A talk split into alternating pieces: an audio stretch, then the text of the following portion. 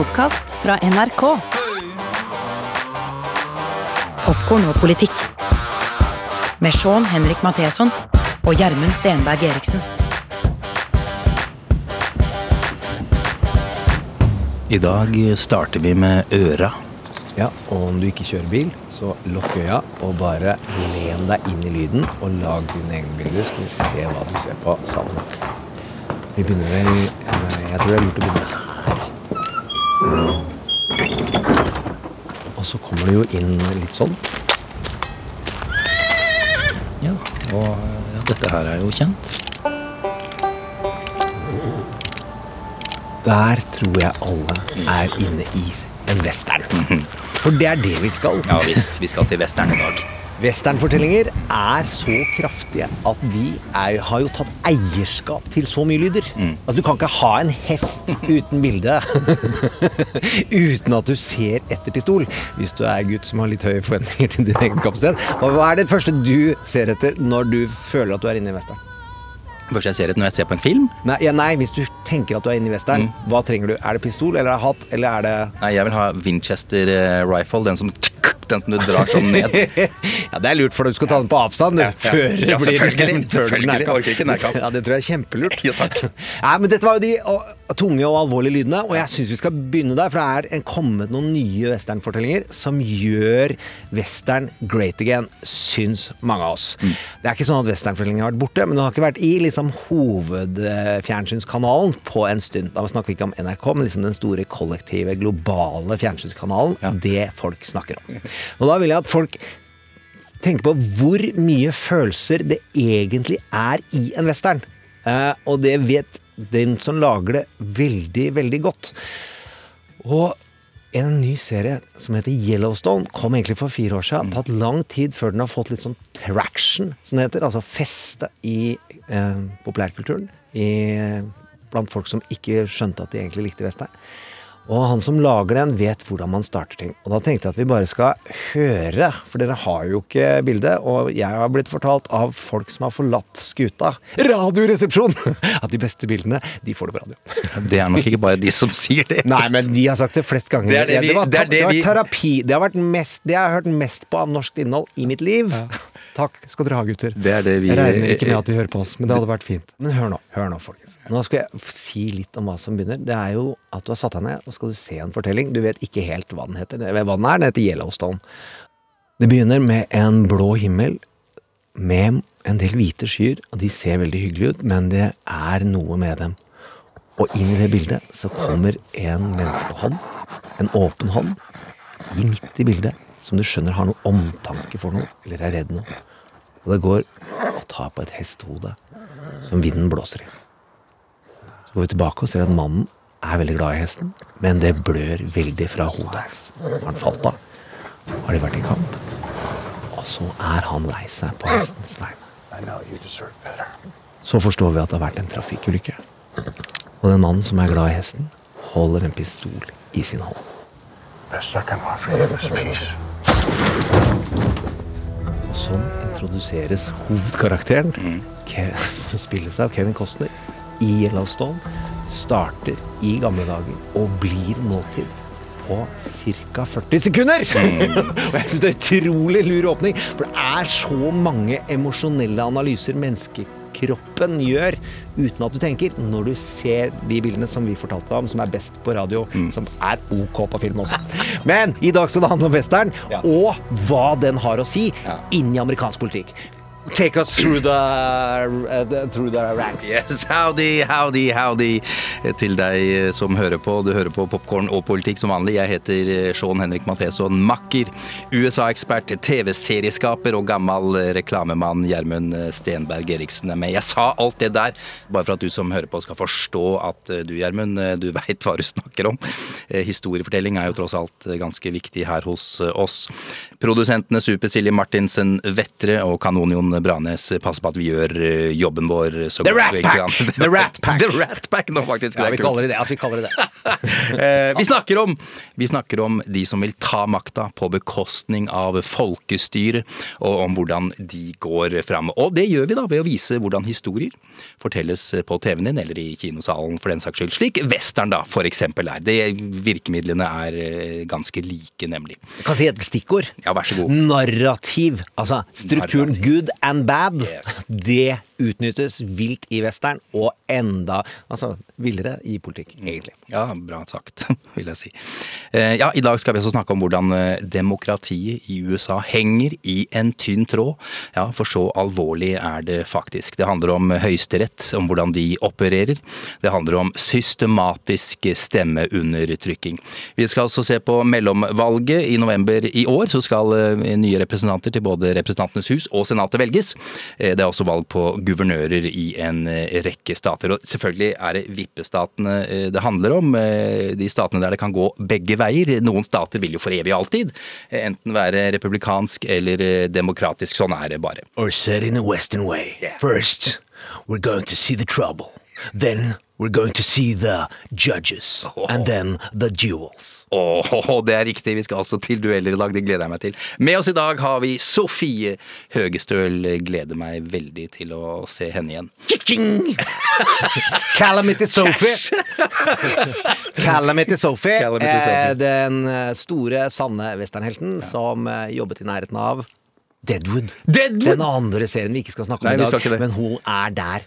Fantastisk karakter. Ja, ok, ja, jeg er helt enig med deg. Gjermund? Sofie bedre enn Calamity Jane. Ja, oh, vent, er det hun som kommer der borte? På hest? Gjermund Partner. Ja. Kan du mosey along eh, med meg inn på dette serveringsstedet mens vi venter på Sofie? Jeg trenger en shot med whisky før vi dundrer på. Oh, se, de har sånne morsomme svingdører! Ah, ja, jeg vet hvordan de fungerer. Oh, det var kanskje litt hardt sparka. Sorry! It's just my friend and I, and we're just uh, making podcast. Well, ne never mind. Sorry, sorry. uh, bartender, two shots of your finest whiskey, please. Oh, ho, ho, ho. Wow, den var sterk. den var så sterk at det er liksom akkurat som jeg hører musikk. You gotta fight for your right to war. I believed implicitly that this was a work event. Nei, ikke helt westernaktig kanskje, men satan så morsom. Mista store deler av possien sin i går, eh, gjorde Marshall Boris eh, Johnson. Fire nære medarbeidere har eh, sagt opp. Oi, det har blitt sendt en ny posse med Marshalls til Syria også. Joe Biden, sjefsheriffen, eh, sendte sine seals for å ta IS-lederen. IS-lederen eh, valgte visst å trekke i bombesnora si selv, faktisk. Eh, Ordentlig guffent. Mm, Heller enn å bli rulla rundt i tjære og fjær, kanskje. And thanks to the bravery of our troops, this horrible terrorist leader is no more. Our team is still compiling the report, but we do know that as our troops approach to capture the terrorist, in a final act of desperate cowardness, he, with no regard to the lives of his own family or others in the building, he chose to blow himself up, not just to the vest, but to blow up that third floor rather than face justice for the crimes he has committed, taking several members of his family with him, just as his predecessor did. Det, var, det, det synes jeg var mørkt. Men, Ja, det var eh, kanskje det er Men du, det er fader, det er der, ja, ja, men det der i piano irriterer meg litt, Gjermund. Skøyte! Du må ikke skøyte pianist! Det er western, det er filmtriks. The sun. If I ain't dead, the devil ain't done. I ain't too worried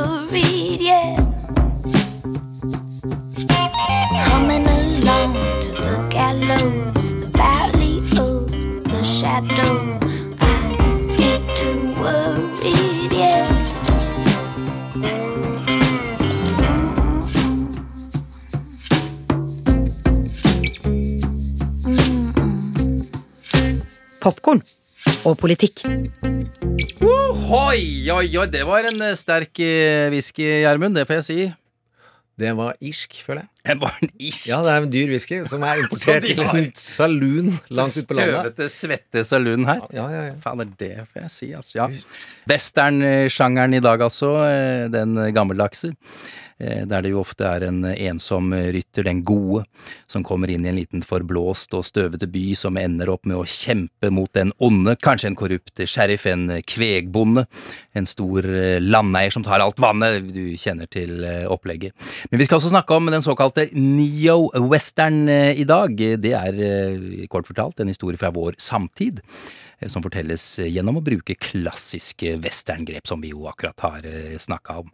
Den historien, eller serien, vi skal eh, konsentrere oss om i dag, eh, det er en serie jeg har hatt på blokka en stund, faktisk, men jeg har ikke sett den. Det er, jeg har ikke den eh, strømmetjenesten. Det sitter litt langt inne, Gjermund, å abonnere på enda en. Det er så Det slutter jo aldri! Paramount. Det er jo en western-logo, til og med. Dette fjellet. Den er også på TV2 Play de første to sesongene, hvis vi skal være så rause at vi nevner dette andre Jeg synes at vi, norske vi, vi, stemmefenomenet. vi er rause her på NRK. Eh, Den har fått eh, mye oppmerksomhet, mm, egentlig fordi den, som du nevnte i sted, Gjermund, har gått litt under radaren for, eh, for mange av oss, eh, men som skal da være helt vanvittig bra. Det kommer du til å bekrefte hvert øyeblikk, Gjermund. Og det kommer du også til å gjøre, Sofie Haugestøl. Howdy, Sofie! Howdy, howdy! Jeg mener Calamity Sofie, selvfølgelig. Hva ville du vært for? Calamity Sophie. Calamity Sophie. Det er Men- sånn det uttales. Ja, Calamity Sophie. Men Calamity betyr jo katastrofe. Hun var en ganske vill dame, Calamity Jane, Sophie Sofie. Jeg tror ikke jeg kan leve helt opp til det, men jeg skal prøve i denne sendingen her. Jeg tipper at du fikser det. Første amanuensis ved Universitetet i Oslo. God, gammel venn av oss her i Popkorn og politikk, ikke minst Trump mot verden. Serien det er snakk om, er Yellowstone, som du nevnte, Gjermund. Paramount Network i hovedrollen. Også en gammel westernhelt. Selveste Kevin Costner, altså, som vi snakka om. eh, Danser med ulver. Silverado, Wyatt Earp. Eh, Det er flere der også på Som hans du, eh, den siste må du se etter at du har sett Tombstone en del ganger først, for den er bedre. Ja, ok, greit. Kevin Costner spiller altså John Dutton, sjette generasjons patriark over Dutton-familien. Og de eier vel det som er den største ranchen i USA, eh, faktisk. Eh, Driver med kveg, da. Og de havner eh, ofte, hele tida egentlig, i konflikter med naboene, eksempel, som er den amerikanske urbefolkningen. Og andre folk som da forsøker å slå kloa i mer land, som kan utvikles til andre ting. Gjermund, du som jo er eh, sykelig opptatt av eh, USA.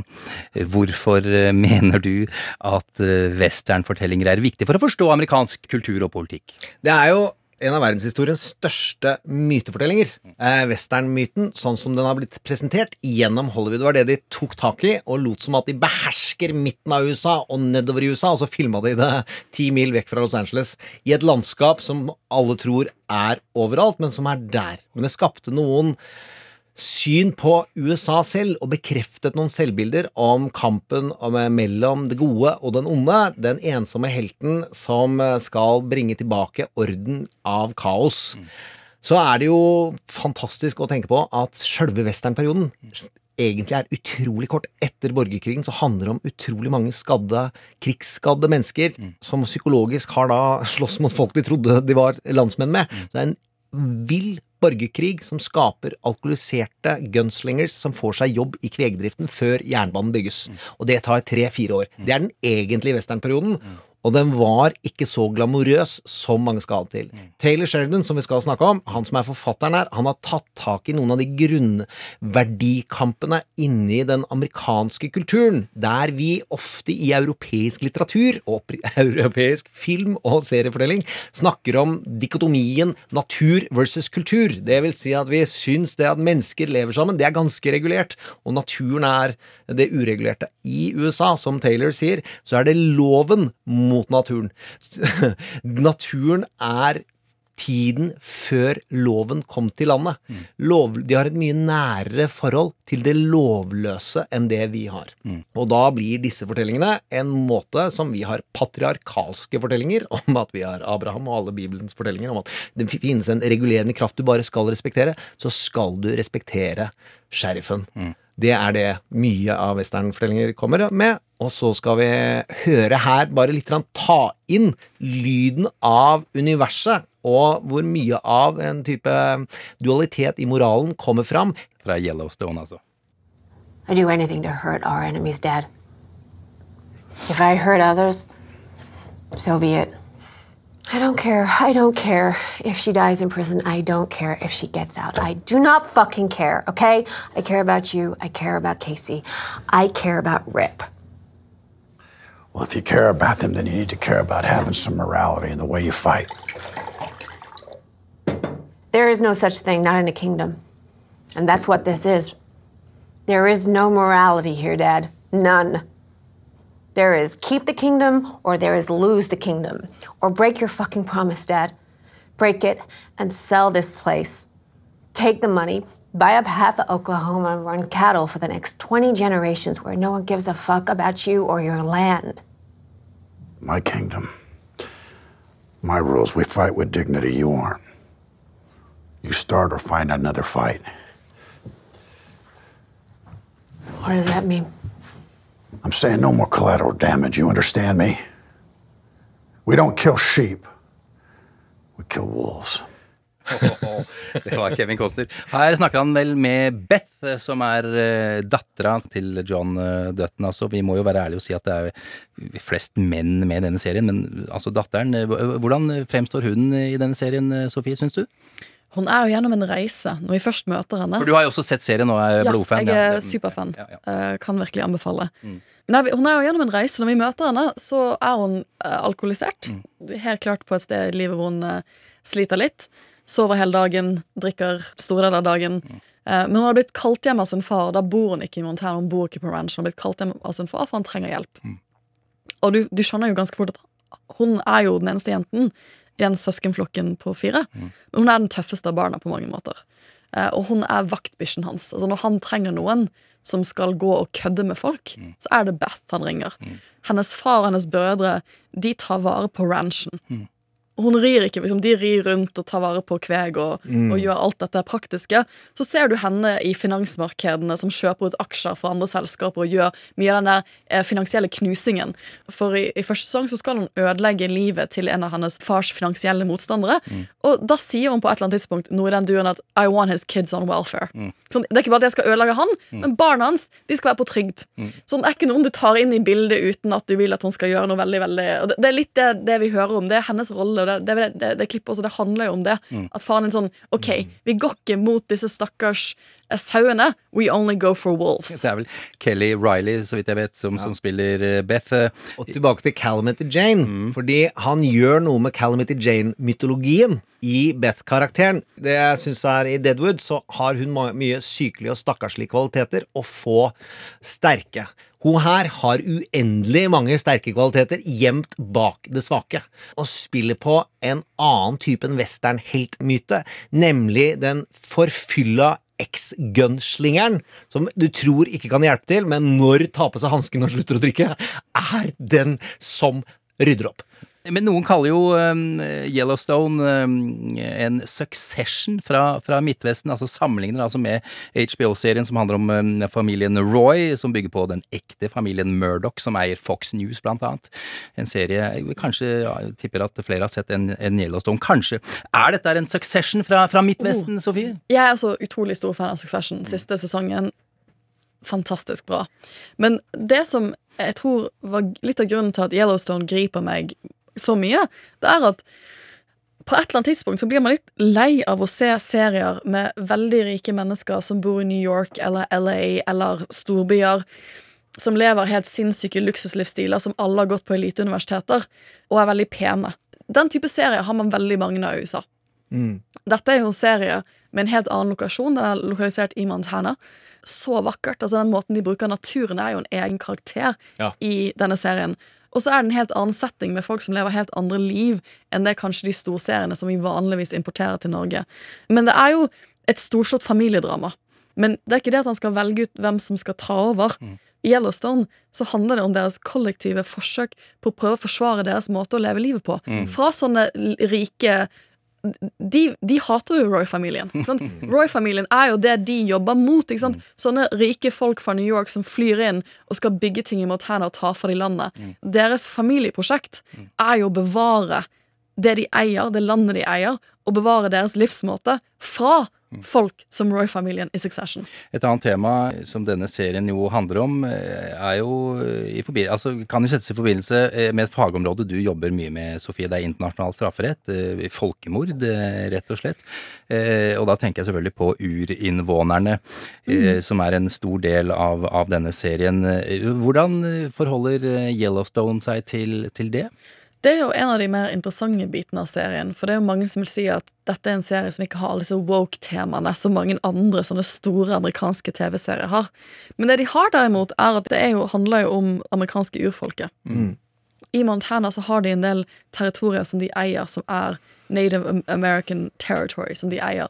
Mye av serien handler om land, om å eie land, om å dominere land, om å styre land. Og de ønsker jo selvfølgelig å ta landet sitt tilbake fra disse, disse amerikanerne som har kommet inn og tatt landet fra dem. Det er jo deres land i et historisk perspektiv, så det er jo et stort tema i serien. En av hovedkarakterene, Monica Long Dutton, som er svigerdatteren til eh, Kevin Costner, og hun er da native american, eh, og hun er eh, blant annet lærer.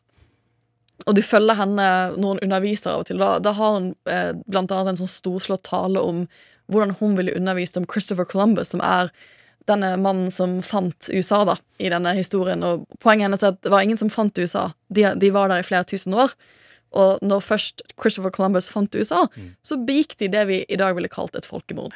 Den tar for seg hvor utrolig vondt eh, den amerikanske urbefolkningen har blitt behandla. Og blir behandla, og hvor urimelig det er for det man rett og slett må se på som den store trumpistiske befolkningen. Altså Midtvesten får da utfordra sitt moralsyn ekstremt tydelig. Taylor Sheridan han er på den amerikanske urbefolkningens side i disse spørsmålene, for å si det forsiktig. Og han har lagd flere fortellinger som tematiserer det. Og da bruker han altså neovestern til å få folk til å leve seg inn i pågående konflikter mellom den hvite majoriteten og hvordan de har behandla urbefolkningen inne i episoder som har action, det har spenning, det har sorg, det har alle følelsespalettene. Og det syns jeg er beundringsverdig. There's a rawness to the West that still reflects where we came from. There's an untouched beauty, and I believe that it allows us to still look at ourselves in our simplest state. Sheridan som står bak denne serien, er skuespiller også, bare for å nevne det. Kanskje du har sett ham i Sons of Anarchy og Veronica Mars. Også skrevet manus til filmer som Sicario, Hell or High Water, nominert til en haug av priser og alt mulig. Hva, er dette for en fyr, Gjermund? Noe av det vakreste jeg vet om forfattere, det er jo at det kan hvem som helst bli. Taylor Sheridan er ikke hvem som helst, men han irriterte seg veldig over andre forfattere, og til slutt, som skuespiller, sånn det må jo kunne gå an å gjøre det her bedre. Og han var på et utrolig sterkt og hardt sted i livet hvor han sa opp alle pengene sine. Kona var gravid, men han turte ikke si til den sønnen som skulle komme, at han ikke hadde prøvd engang. Så hadde han ikke penger til læreboka til Robert McKee engang, så han gikk og leste den i bokhandler til han ble kasta ut. Bibelen til alle som skal skrive filmmanus. Altså The Notaker of Aristotle. Så skrev en Sicario, Hell or High Water og Wind River, en indianerthriller han vant i Cannes med. Som det første han regisserte. Og så ber han da Hollywood, for da har han fått aksjer, altså eh, kulturell kapital, ved å bli Oscar-nominert for Hell or High Water. Alle skjønner at han burde ha blitt det for Sicario, og alle skjønner at han burde blitt det for Wind River også.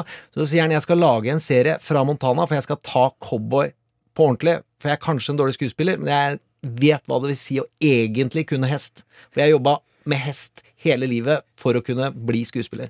Så krevde han at du må fly til Montana for å ta imot serien. For å være med i pitchekonkurransen. Og da var det bare Paramount som fløy inn. Og alle de andre sa han var griseharry, og nå er det USAs mest populære kabelserie. Men, hysj, hysj, hysj. Oi! Om ikke det er lyden av western, eh, så veit ikke jeg. Skal vi se Jo da, det er den mektige og hensynsløse Ranshine som kommer ingen tvil. Faenskapet i vår lille by i denne podkasten. Town called Democracy. Popkorn og politikk.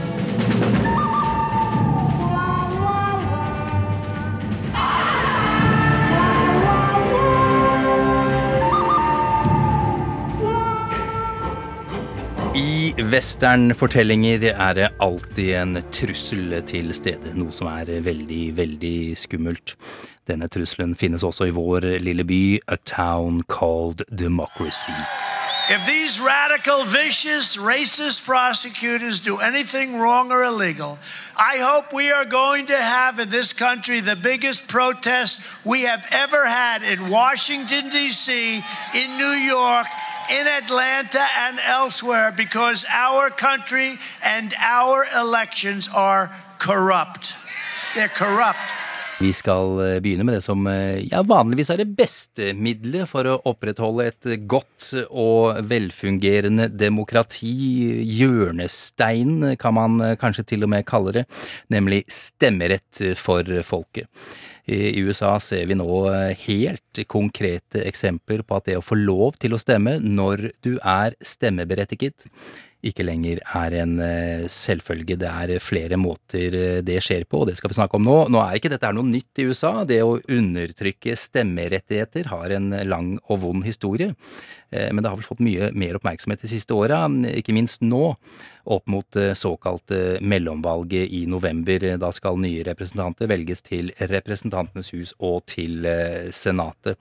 Sofie, for å få litt perspektiv på dette her, så vil jeg se litt på historien før Donald Trump kom til makten. Voting Rights Act fra 1965. Det var jo da president Lyndon B. Johnson som signerte papirene. Og veldig kort fortalt her, altså, kanskje litt skamløst her, men det er da generelle bestemmelser som gir garantier for stemmerett. På nasjonalt nivå, selvfølgelig, så er det da et avsnitt som er ganske viktig her, som også da er en generell bestemmelse som forbyr alle stater og statlige myndigheter å innføre valglover som vil diskriminere da ethvert mindretall. There is no moral issue. It is wrong, deadly wrong, to deny any of your fellow Americans the right to vote in this country. Ja, for Hvis vi tenker litt på når denne loven kom inn i 1965, så var jo bakgrunnen at da er USA i rasesegregeringstiden. Mm. De har jo stemmerett, men det man ser i praksis, er at man bruker forskjellige ymse metoder for å utelukke de fra å stemme. Type du kommer til stemmelokalet for å stemme, og så må du ta en intelligenstest. Det er, liksom, det er de mest ekstreme eksemplene. Men du hadde mange andre små måter hvor man gjorde det vanskelig. Man har ikke så mange stemmelokaler i de områdene hvor minoritetsgrupper bor. Og reisetiden var umulig. Reisetiden er lang, det er lange køer. Altså, jeg er veldig glad i å stemme, veldig glad i valg, men hadde jeg måttet liksom bruke en halv dag på den en dag, og mange timer i kø, så hadde nok det økt terskelen. Altså, hvis det var et lokalvalg jeg ikke brydde meg så mye om, så vet jeg ikke om jeg hadde orket å bruke så mye tid på det. Og dette var jo et, systematisk problem. Da velger Lyndon B. Johnson midt under borgerrettsbevegelsen. Dette er midt under um, Martin Luther King. Dette, dette er den tiden på 60-tallet i USA. Civil rights era. Civil rights era, hvor han da velger å lage en federal lov som gir en minimumsstandard. Så han sier at alle stater må i et minimum gjøre sånn og sånn og sånn. Og aller viktigst så kan ikke stater innføre tiltak som egentlig er rasistiske. Som egentlig er ment å diskriminere folk fra å stemme. Mm. Og som jeg tar på husken, for min kredibilitet går ikke i vasken hvis jeg sier feil justing. opplever 14 delstater blir pålagt at uansett hva dere finner på, så skal det godkjent føderalt. For dere har oppført dere ræva i De Så lenge det har vært. Ja, ja. Så lenge vi har vært et USA, Så så har dere opplevd ja. ræva. For det, det er ganske viktig, for det, de sier at det er minst 14 stater som har hatt problemer med dette. her Det er jo tidligere sørstater eh, under borgerkrigen. da Og da, da sier de at Når dere skal gjøre noe som helst, ting som kan påvirke en persons evne til å stemme, så skal vi forhåndsse på det og godkjenne det. Mm. Og dette funker. Altså Det er jo mange som mener at denne loven fører til ganske reelle endringer, Mm. sånn at det blir lettere å stemme, og at eh, personer med minoritetsbakgrunn blir mindre diskriminert. Men så kommer amerikansk høyesterett for banen Mm. eh, i 2013 i en sak som heter Shelby Counter versus Holder, eh, hvor de får deler av denne loven opp. da Og så bestemmer de egentlig at det de kaller for denne pre-clearance, at du må gå og søke om lov før du gjør noe, det trenger vi ikke. For det, det, det er basert på historisk diskriminering. Det skjer ikke i dag. Det er ikke så viktig. Mm. Så disse sørstatene de trenger ikke gå og spørre om forhåndsgodkjenning fra oss Fra staten om å gjøre en del ting. Dette skjer da i 2013, og da mener mange at denne Voting Rights Act fra 1965 de viktigste delene av den blir satt til side. Blir rasert, er det vel mange som Ja. sier rett ut. Det, I første året så tar alle de delstatene initiativer for å begynne med det ordet som vi snakker om nå, voter suppression, som er å begrense folks muligheter til å stemme. Gjøre det vanskeligere å stemme. Og da er det greit å, å, å snakke litt om hva det i praksis betyr, Sofie. Hva, hva, er, det, Det- hva er det de gjør helt det- konkret for oss? Ja. For Du kan ikke ta alle, da. Men du kan få velge men- de du syns er men eh, Det er en av de tingene man virkelig ser i mange av delstatene. Det er noe man kaller sånn voting registration purges, som ikke gir noe mening for oss i Norge. For at hvis du skal stemme i Norge, så har vi noe Vi har fantastisk folkeregister. Det er ikke noe du og jeg må gjøre når vi skal stemme hvis vi er norsk statsborger. Vi er allerede forhåndslistet opp for å stemme. Men i USA så må man ofte registrere seg. Det kommer litt an på staten. Og det er kanskje den første måten man øker terskelen for å stemme. For det betyr at har du ikke registrert deg, hvis du kommer på valgdagen, så får du ikke stemt. Det er for sent. Og så må du ha fornyet, for så du må være så ressurssterk Ja, at du fornyer men, men deg. her, I en del delstater når du registrerer deg, så er det jo rimelig at den registreringen varer en del år. At du ikke må gjøre det med hvert eneste valg. For at, igjen, da er det mange som ikke kommer til å, å være organisert nok til å stemme. Da er det mange studenter for eksempel, som må ta sånn «Blablabla, Hva skjedde nå? Å Mm. ja, det var valg igjen, det, det, det er jo det som skjer. Ikke sant? Men det en del av disse delstatene gjør ganske tidlig, er at de åpner igjen for at man tar og sletter en del av de registrene. Som man kaller voting Mm. roll purges. Det skjer når f.eks. du flytter, bytter adresse, så strykes du og slike ting. ikke sant? Ja, så så, det, det, det betyr jo egentlig i praksis at folk må registrere seg mye mer enn det de måtte før. Hvis du da jobber, hvis du er skiftarbeider, hvor mye tid skal du bruke på å registrere deg for stemme? Og så må du gjøre det innen en viss frist. Du må sette deg inn i masse regelverk, da. Og da øker du terskelen for å stemme. ja. Og så er det enkle ting som at de fjerner stemmebokser, hvor, altså postkasser hvor du kan putte stemmen din i. Med andre ord så blir det lang reisevei og slike ting igjen. Det er snakk om åpningstider som gjør det vanskelig. Det er jo ikke helligdag på valgdag i USA. Eh, Det er det jo ikke i Norge heller, da. Nei, Men, for så eh, vidt ikke, men Vi føler for det, vi føler litt på det, faktisk. Forhåndsstemming er det for flere lover som, eller stater som forsøker å gjøre noe med, at ikke det blir lov. Og så er det sånne ting som at det skal være forbudt å, å servere vann og mat eh, til lange køer der folk står og svetter i, i 40 grader. Det er sånne helt ville eh, lovforslag som eh, da Synes vi. Synes, ja, men det må da være greit å mene. Jo, jo! jeg får jo ofte spørsmål om dette, og det jeg gjerne sier at det er ikke nødvendigvis den enkeltendringen du gjør, at f.eks. at du gjør det vanskeligere å servere mat og drikke. For at jeg tror nok vi hadde reagert litt hvis politiske partier begynte å stille seg opp utenfor valglokater og gi folk mat i Norge. Hvis det var køer på, fire mil, sånn. Ja. I sånn- Atlanta det er i 40 sånn det er, liksom. vi, vi har liksom, I Norge så har vi nesten ingen sånn valgpåvirkning rundt valglokalet. Det, folk står jo, jeg har jo gjort det, Man så listebærer som har stått sånn, i Oslo sånn trist utenfor med sånne lister. Mm. Så skal man liksom ikke snakke med noen. Og det, er liksom, Vi har ganske sånn passiv holdning til det. Det er ikke nødvendigvis den regelendringen som gir det store utslaget, men det er totaliteten av det. Sånn, hvis det er færre stemmelokaler å stemme i, Mm. med begrenset åpningstid og vanskeligere å forhåndsstemme, og du må registrere deg mye, Mm. så er totaliteten av alle de tiltakene at det blir vanskelig for folk å stemme. Og det er nok det som jeg syns er så vanskelig med denne diskusjonen, er at jeg satt jo i valglovutvalget i Norge for partiet Venstre. Er at partiene i Norge også har litt forskjellige synspunkter på hvordan ting skal gjøres med valget, men alle partiene er jo veldig enige at vi skal gjøre det så lett som mulig for folk å stemme. Mm. Det er utgangspunktet. Og det at partiene i USA ikke kan bli enige Mm. De kan bare ikke bli enige om hvordan vi skal gjøre det lett for folk å stemme. Nei. Det er i seg selv en stor demokratisk verkebylle. Og dette er jo da, for å oppsummere denne 2013-lovverket, det er jo de, disse tingene, disse tiltakene, som nå har blitt lettere å gjennomføre for Mm. enhver stat. Før måtte de føderale myndighetene godkjenne dette her. Det trenger de ikke lenger gjennom denne loven fra høyesterettsdommen fra 2013. Eh, Men nå er vi vel kanskje ved noe vi kan kalle et slags eh, vendepunkt eh, I western. i, i western, for det har kommet inn noe nytt og skummelt eh, i vår little town called eh, democracy. For eh, ikke bare har de holdt på med det vi har snakka om nå, men republikanerne har også begynt å innføre lover som handler om stemmetelling. Altså opptellingen av stemmene, og om selve godkjenningen av valget. Hva konkret går dette ut på, på Gjermund? Ja, det er jo en utrolig tøff strategi, hvor de da ved å ha fått kontroll på en del delstater og har flertall, eh, så har de da begynt å gjøre det Donald Trump sa, the big steal.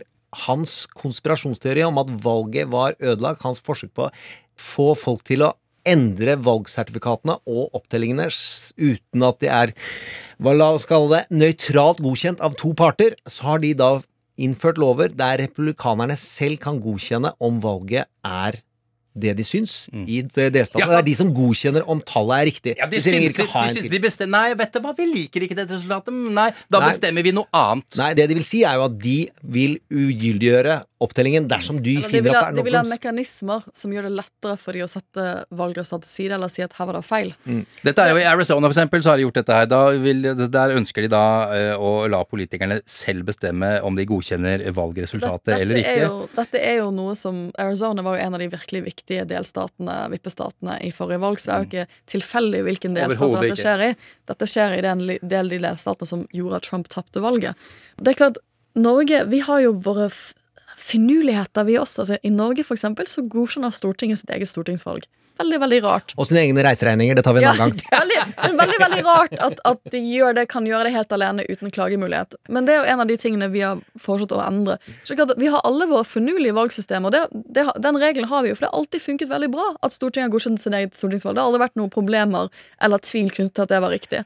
Og når man begynner å gå inn politisk, hvor én side av politikken går inn politisk og prøver å kødde med det, så er det farlig. For det burde være ganske bred oppslutning i hele politikken om de regler man har for opptelling. Biden har jo gått høyt på banen. Han har lovet en ny, stor stemme, federal stemmelov, som skal hete The John Lewis Voting Rights Act, etter denne store borgerrettsforkjemperen. Den er en ganske stor pakke. Den går ut på å stramme opp masse regler. Den går ut på rett og slett å ha mer nasjonal kontroll over valg. Ja, tilbake ned- til de føderale myndighetene. Ja, til federale, ja. Og Ja.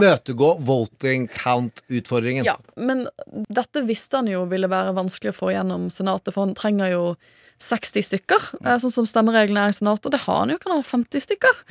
Det har bare ikke vært mulig å få gjennom. Han har jo fått mye kritikk også internt sitt eget parti for at han har gått for høyt ut og lovet ting som de ikke kan levere på. Men nå har jo republikanerne, for det er jo en del av de republikanerne i Senatet, som Mitch McConnell, som er sånn Tidligere leder av Senatet, Ja. nestformann, kan vi Ja, si, i republikanske også innser at vet du hva, det er ikke bra hvis uh, en del av delstatene blir en slagsmark hvor man begynner å lage veldig rare regler for hvordan valget godkjennes. Så republikanerne har litt signalisert, eller noen av de i senatet, at de kanskje kan være med på å lage noen begrensede lovendringer nasjonalt for å regulere måten valg blir telt opp på. Akkurat nå per i dag så er det uansett stater i USA som eh, forsøker å få inn lover som gjør at politikerne selv bestemmer hvordan resultatet skal bli etter et valg, samme åssen det går. Det er to streker under det svaret. Har vedtatt. Kanonspennende for flere enn de som har juseksamen i orden. Dette er en stor politisk debatt akkurat nå. Ja, vi vi kommer til å høre mye mer frem mot det, for hva er det som skjer i november? Jo, da er det valg. Senatet er opplagt eh, veldig viktig, for det er jo også Senatet som godkjenner høyesterettsdommere.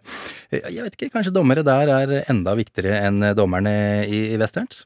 Wanted in 14 counties of this state, the condemned is found guilty of the crimes of murder, armed robbery of citizens, state banks, and post offices, the theft of sacred objects, arson in a state prison, perjury, bigamy, deserting his wife and children, inciting prostitution, kidnapping, extortion, receiving stolen goods, selling stolen goods, passing counterfeit money, and contrary to the laws of this state, the condemned is guilty of using marked cards and loaded dice.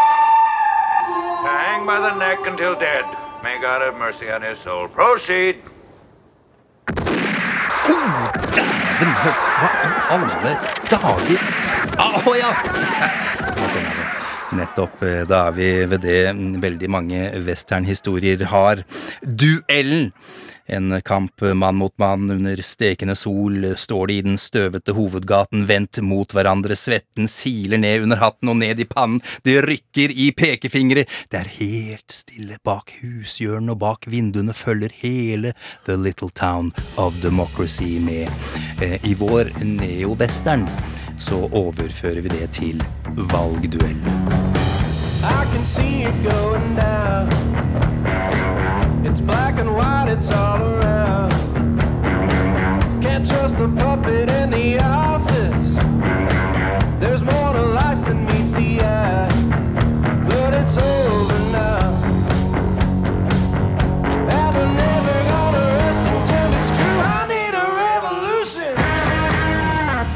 Siste nytt på høyesteretten i eh, USA er jo at eh, en 83 år gammel eh, høyesterettsdommer der ved navn Stephen Breyer han har bestemt seg for å trekke seg. Det Må sies at han har fått litt press på seg fra enkelte eh, demokrater. eh, Ja, de såkalte progressive demokratene, da.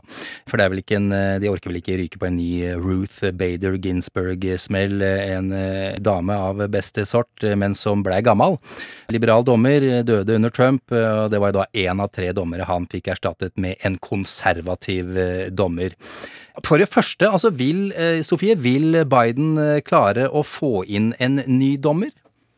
Ja, i den forstand at dette er den siste tidsfristen. Det er valg i november. De kan, hvis Verst tenkelig scenario for demokratene er at de mister Senatet også. Mm. Og det er Senatet som godkjenner høyesterettsdommere. Så det som skjer i USA, er at Biden får lov til å velge en kandidat, og så bruker han Det gjør de med masse pomp og prakt. Og så velger de en kandidat, men så er det Senatet som godkjenner. Og da trenger du et flertall i Senatet. Du trenger 51 personer til å stemme for. Og demokratene har akkurat det nå! De må jo få inn Kamala Harris antageligvis som visepresident og komme og gi en sånn tiebreaker vote. Hun har dobbeltstemme. Så de har akkurat flertall for dette. Mm. Men det har de nå. Hvis ting går skikkelig galt i november, så har de ikke det lenger. Men, men har han tid til å få gjort det før Ja, valget? det- absolutt. ok, altså, nettopp, ja. altså, Donald Trump fikk utnevnt uh, Ruth Bader Ginsburgs arvetaker på uker! En halvtime før Det var helt Det var rett før valget! Så Ja, det, ja, det, det er, og derfor, derfor har heller ikke replikanerne noe de kan si. Selvfølgelig kan dette gjøres før valget, men grunnen til at det er fordelsaktig at Breyer går av nå, er at da får man gjort det med litt pomp og prakt og litt stil. Mm. Hvorfor er det en fordel? Fordi at dette er jo en av de gjeveste tingene en president kan gjøre. Ja, det er gøy, liksom. Det er viser- gøy, det ja, velger mobilisering. Ja, ja, Jeg, jeg, jeg, tror nok, jeg tror nok ja. også at godeste Biden er litt misunnelig for at Trump har fått utnevnt tre av ni Ja, det høyesterettsdommere. det Det er mange. høyesterettsdommere. Erkekonservative liksom folk. han får antageligvis bare den ene personen, for de andre Ron Breyer har gått av, så de andre ganske unge. De er, eller, Eldstemann er på 74 år, siden. Resten så ligger han på sånn 60-70 år. Og dette er jo en, en stilling du har eh, for livet Du har ut. for livet, så det- Og det er vel ikke, det er vel, ligger vel ikke an til at noen andre skal trekke seg Nei, her? det er jo litt det at Man har jo dessverre fått en tradisjon for at de så å si dør i dommer, ja. dommerstolen. Og det, det er jo litt morsomt at Breyer var litt sånn Broren til Breyer har vært ute i amerikansk presse var sånn Nei, broren hans har lyst til å gå av pensjon og liksom har ikke lyst til å dø i stolen. Så sånn, Han er jo 83. Mm. De fleste av oss pensjonerer oss litt før 83-årsalderen også. Men det viser jo hvor lenge disse folkene sitter, og det er jo derfor sant, Trump utnevnte jo folk i 50-årene. ikke? De kan sitte i 30 år! De kan sitte i 30 år. Biden har uh, gått ut og sagt at uh, han vil ha en svart kvinne inn i Mm. Høyesterett. Um, er det noen republikanere som vil tørre eh, å ikke godkjenne det?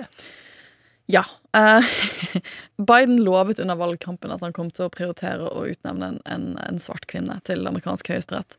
For det har ikke vært så mange kvinner, og det har i alle fall ikke vært så mange personer med minoritetsbakgrunn. Bidens forhold til svarte og kvinner er ekstremt viktig, fordi han hadde aldri blitt eh, den foretrukne kandidaten i Det demokratiske parti om han ikke lovte at han skulle ha en svart kvinnelig eh, høyesterettsdommer, og være den første som utnevner det til en av de virkelig store svarte lederne i amerikansk politikk. Og så det kommer han ikke unna. Dette handler om å vinne valg. Hvor mye kan republikanerne svekke Biden gjennom å gi det motstand? Vil ikke det bare understreke eh, den systematiske rasismen som mange opplever, og som jo er helt tydelig i USA? Hvis, hvis en svart kvinne ikke blir eh, godkjent av eh, republikanerne? Ja, det blir en veldig stor fallhøyde hvis det skulle skje. Så det som skal være strategien nå, er at de kvinnene de vurderer å utnevne, for det er masse gode kandidater her, det er kvinner som allerede har blitt utnevnt til dommerstillinger federalt. federalt. Og det betyr at de allerede er godkjent av Senatet. Så en av toppersonene hun heter Ketanji Brown Jackson. Og eh, har på mange måter en ekstremt klassisk bakgrunn for å bli høyesterettsdommer. Hun har gått på Harvard undergraduate, så tok hun jussen på Harvard, og så har hun søren meg vært dommerassistent for en høyesterettsdommer. Hun var faktisk eh, det for Breyer. Så hun er jo en person som har en klassisk CV eh, for å bli høyesterettsdommer. Og hun var nylig utnevnt av det sittende senatet til å få et veldig viktig dommerembete i eh, Washington DC. Og da var det en del republikanere som stemte for henne. Og de kommer til å si at hør nå her, dere stemte på henne for noen måneder siden. Hvorfor er hun ikke god nok for Høyesterett? Har allerede sagt hun er god nok for dette. Og Fun fact om henne er at den tidligere lederen for Underhuset i Kongressen, Paul Ryan, Ja. hans svigerbror er tvillingbroren til hennes mann. Ja, det stemmer det! Ja, det har jeg lest et eller annet sted. Altså, nå skal jeg bare plassere. Paul Ryan leda Representantenes hus under Obama og ga han maks motstand og gjorde ganske mye for å ikke redde økonomien. Han var også visepresidentkandidaten når Romney prøvde å vinne. Så det, Dette er komplisert, men poenget er at de har et slektsforhold. Og jeg har lest at Paul Ryan, når hun har vært øh, oppe for dommerembeter før, så har han gått rundt og drevet litt lobbyvirksomhet for henne med republikanere. Så jeg tenker, Hun har jo plutselig en replikansk støttespiller på høyt nivå som kan drive For det er masse lobbying som skal foregå de neste ukene. Paul Ryan var jo høyt på strå en periode. Ja, og som sagt, tidligere leder i Representanthus, og nå sitter han i styret i Fox News. Da blir det litt vanskeligere for noen av replikanerne å ikke stemme for. Jeg tror ikke at de alle gjør det, men jeg tror at det er en sjanse hvis det blir henne, for at hun får noen stemmer for replikanerne.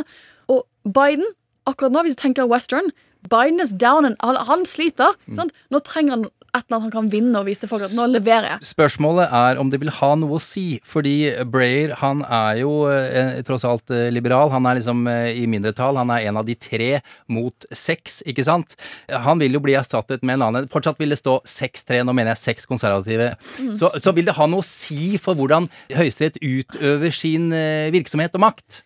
Eh, ikke nødvendigvis hvor flertallet ligger. Eh, men det vil jo ha noen å si for hvem som skriver mindretallet. Og det vil jo også ha Beskriv i mindretallet, hva mener du med det?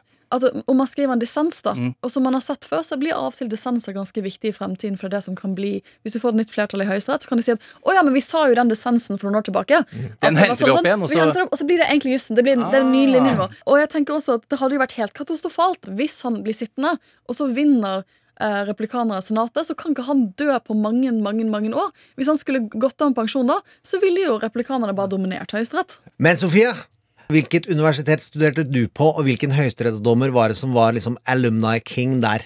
Anthony Scalia, som er en av disse utrolig kjente høyesterettsdommerne, han gikk på Georgetown, hvor jeg gikk når han tok bachelorgraden sin. Og han, uh, Georgetown, Juss-campuset til Georgetown ligger rett ved amerikansk høyesterett. Så han var på besøk ganske ofte, så jeg har faktisk møtt han. Det var noen år før han døde. Hvis du tenker at Ruth Bader Ginsburg, den tidligere høyesterettsdommen, var sånn liberalt helt, så er Anthony Scalia hennes motpart på konservativsiden. Han er Steven Spielberg for republikanere når det gjelder høyesterettsdommer. Han er det ultimate idolet. Alle Ekstremt hyggelig mann. Ekstremt hyggelig mann, veldig katolsk, og uh, Georgetown er jo et katolsk universitet. Vilt morsom. Jeg har sett den på Daily Show og jeg har sett den i utrolig tøffe intervjuer. Er den ikke vilt morsom? Han er, morsom, han er kjempemorsom. Han, har så skarp skrivepenn. Altså, Gud, når jeg leser tekstene hans av og til, så tenker jeg åh, åh, det å kunne skrive sånn. Calamity Sophie. Tusen takk skal du ha. It'll be alright. If we burn it down and it takes all night, it's a slow burn.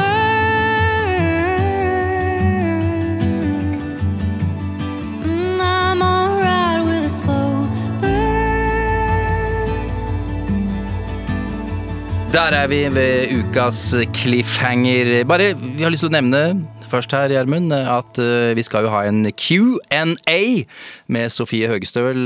Special på- episode! Ja, kommer på tirsdag. Q&A, altså spørsmål og svar. eh, Med Sofie altså. eh, Blir lagt ut på eh, tirsdag i appen NRK Radio. Da skal vi svare på en haug av spørsmål som vi har fått fra kanskje deg. Men tilbake til Cliffen. Mange ting som er spennende neste uke. Det ene er jo Ukraina Mm. og Russland, mm. der vi har dekket det som en thriller. Vi håper det ikke blir en krigsfilm. Det er jo det hovedjobben her i verden. Eh, Og så skal vi jo til Tyskland med den fantastiske Sten Inge Jørgensen, han har vært med oss eh, et par ganger før her i Sjekk forrige episoden i NRK-appen. Men uh, enda viktigere, det er jo at Tyskland er så mye rart. Det er veldig og de er mye rart inn i EU. Deres rolle inn i EU er i endring. Det er også en thriller. Det er en thriller, og det er også en thriller at Tyskland har vært litt tilbakeholdende tilbakeholdne med å kritisere Russland i forhold til Ukraina. Og det, Western Voice. Ja, det stresser jo eh, allierte, de allierte veldig. Eh, og hvorfor eh, skal vi da snakke med Sten Inge om? Western-wise så samles gutta og skal dra på og ta bad Posse, guysene. liksom! Og så posse. posse! Og så står Tyskland i baren og sier I don't think, I don't, I don't think so. Det er ikke alltid de tyske karakterene i uh, western er de kuleste, bortsett fra i Django! Django. Unchained, ja, der er jo han eh, slavedriveren. eh, Christoph Waltz fikk Oscar for å være den fantastiske tyskeren i Jungle Unchained. Gå og se den. Og så er han jo den fantastisk onde tyskeren i Inglorious Bastards.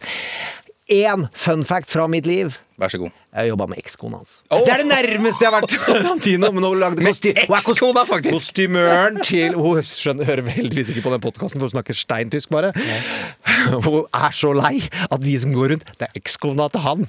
Ja. det Nå er jeg fantastisk kostymør. Okay. Ester Waltz. Ester Waltz. En smule dramatisk. Hun har beholdt etternavnet, tydeligvis, så hun får skylde seg sjæl. Hun får skylde seg sjæl. Ikke så skilt fra han, føler jeg. Uansett, neste uke Det er 20 000 organiserte høyreekstremister bare inn i det ene lille underliggende ulmende nettverket, hørte jeg på QAnon Anonymous-podkasten med sin egen spesialepisode om det mørke i Tyskland. Antivaksere og babyspisende konspirasjonsteorier om Hillary Clinton er størst i Tyskland på utsida av USA. Why? We don't know. We will talk with Stein Inge Kroggersen. They are so strange, the Germans. Og de har humor, de jeg har møtt. Musikken du skal høre, er selvsagt Nena. De sender opp ballager. Alt du kan, nå. Hast du etwas Zeit für mich? Dann singe ich ein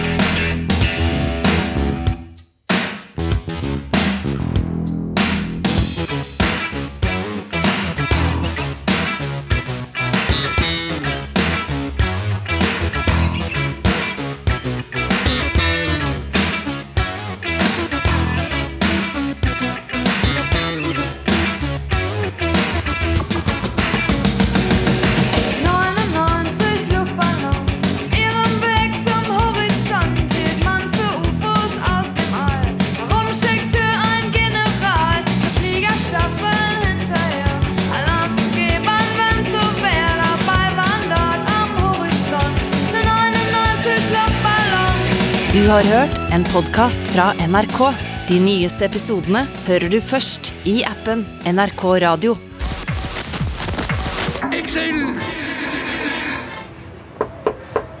Ja, Ja, Hvem er det som bor her? det er Linn Skåber. Ja, hei. Ja, se, jeg, jeg kommer fra NRK. Jeg har, så jeg har en podkast som heter Excel-podkasten. På eh, den eh, appen, NRK Radio-appen. Er det sånn? Nei, den er gratis. Ja, ok, hvem er er programleder? Espen Thoresen er programleder på Excel-podkast. Ikke, ikke interessert. Nei, men kom igjen, da! Er det noen flere der? Ja, Linn Skåber er med. Det, det er jo jævlig bra. Ja, men eh, ja, ja, det er greit. En podkast fra NRK. De nyeste episodene hører du først i appen NRK Radio. A lot of people attended events in May 2020. The one I recall attending was my grandmother's funeral. She was a wonderful woman. As well as a love for her family, she served her community as a councillor and she served Dartford Conservative Association loyally for many years. I drove for three hours from Staffordshire to Kent. Only 10 people at the funeral. Many people who loved her had to watch online. I didn't hug my siblings. I didn't hug my parents. I gave a eulogy. And then afterwards, I didn't even go to her house for a cup of tea. I drove back three hours from Kent to Staffordshire. Does the Prime Minister think I'm a fool? No, Mr. Speaker, I, and I want to thank my honourable friend, and I want to, and I want to say how deeply I sympathise with him uh, and his family uh, for their loss. Uh, and all I can say is, uh, again, that uh, I'm very, very sorry for misjudgments that may be made in, uh, by me or anybody else in Number 10 uh, and the Cabinet Office. And I, I can only ask him respectfully, Mr. Speaker, to look at what Sue Gray has said, but also to look at the to wait for the conclusion of the inquiry.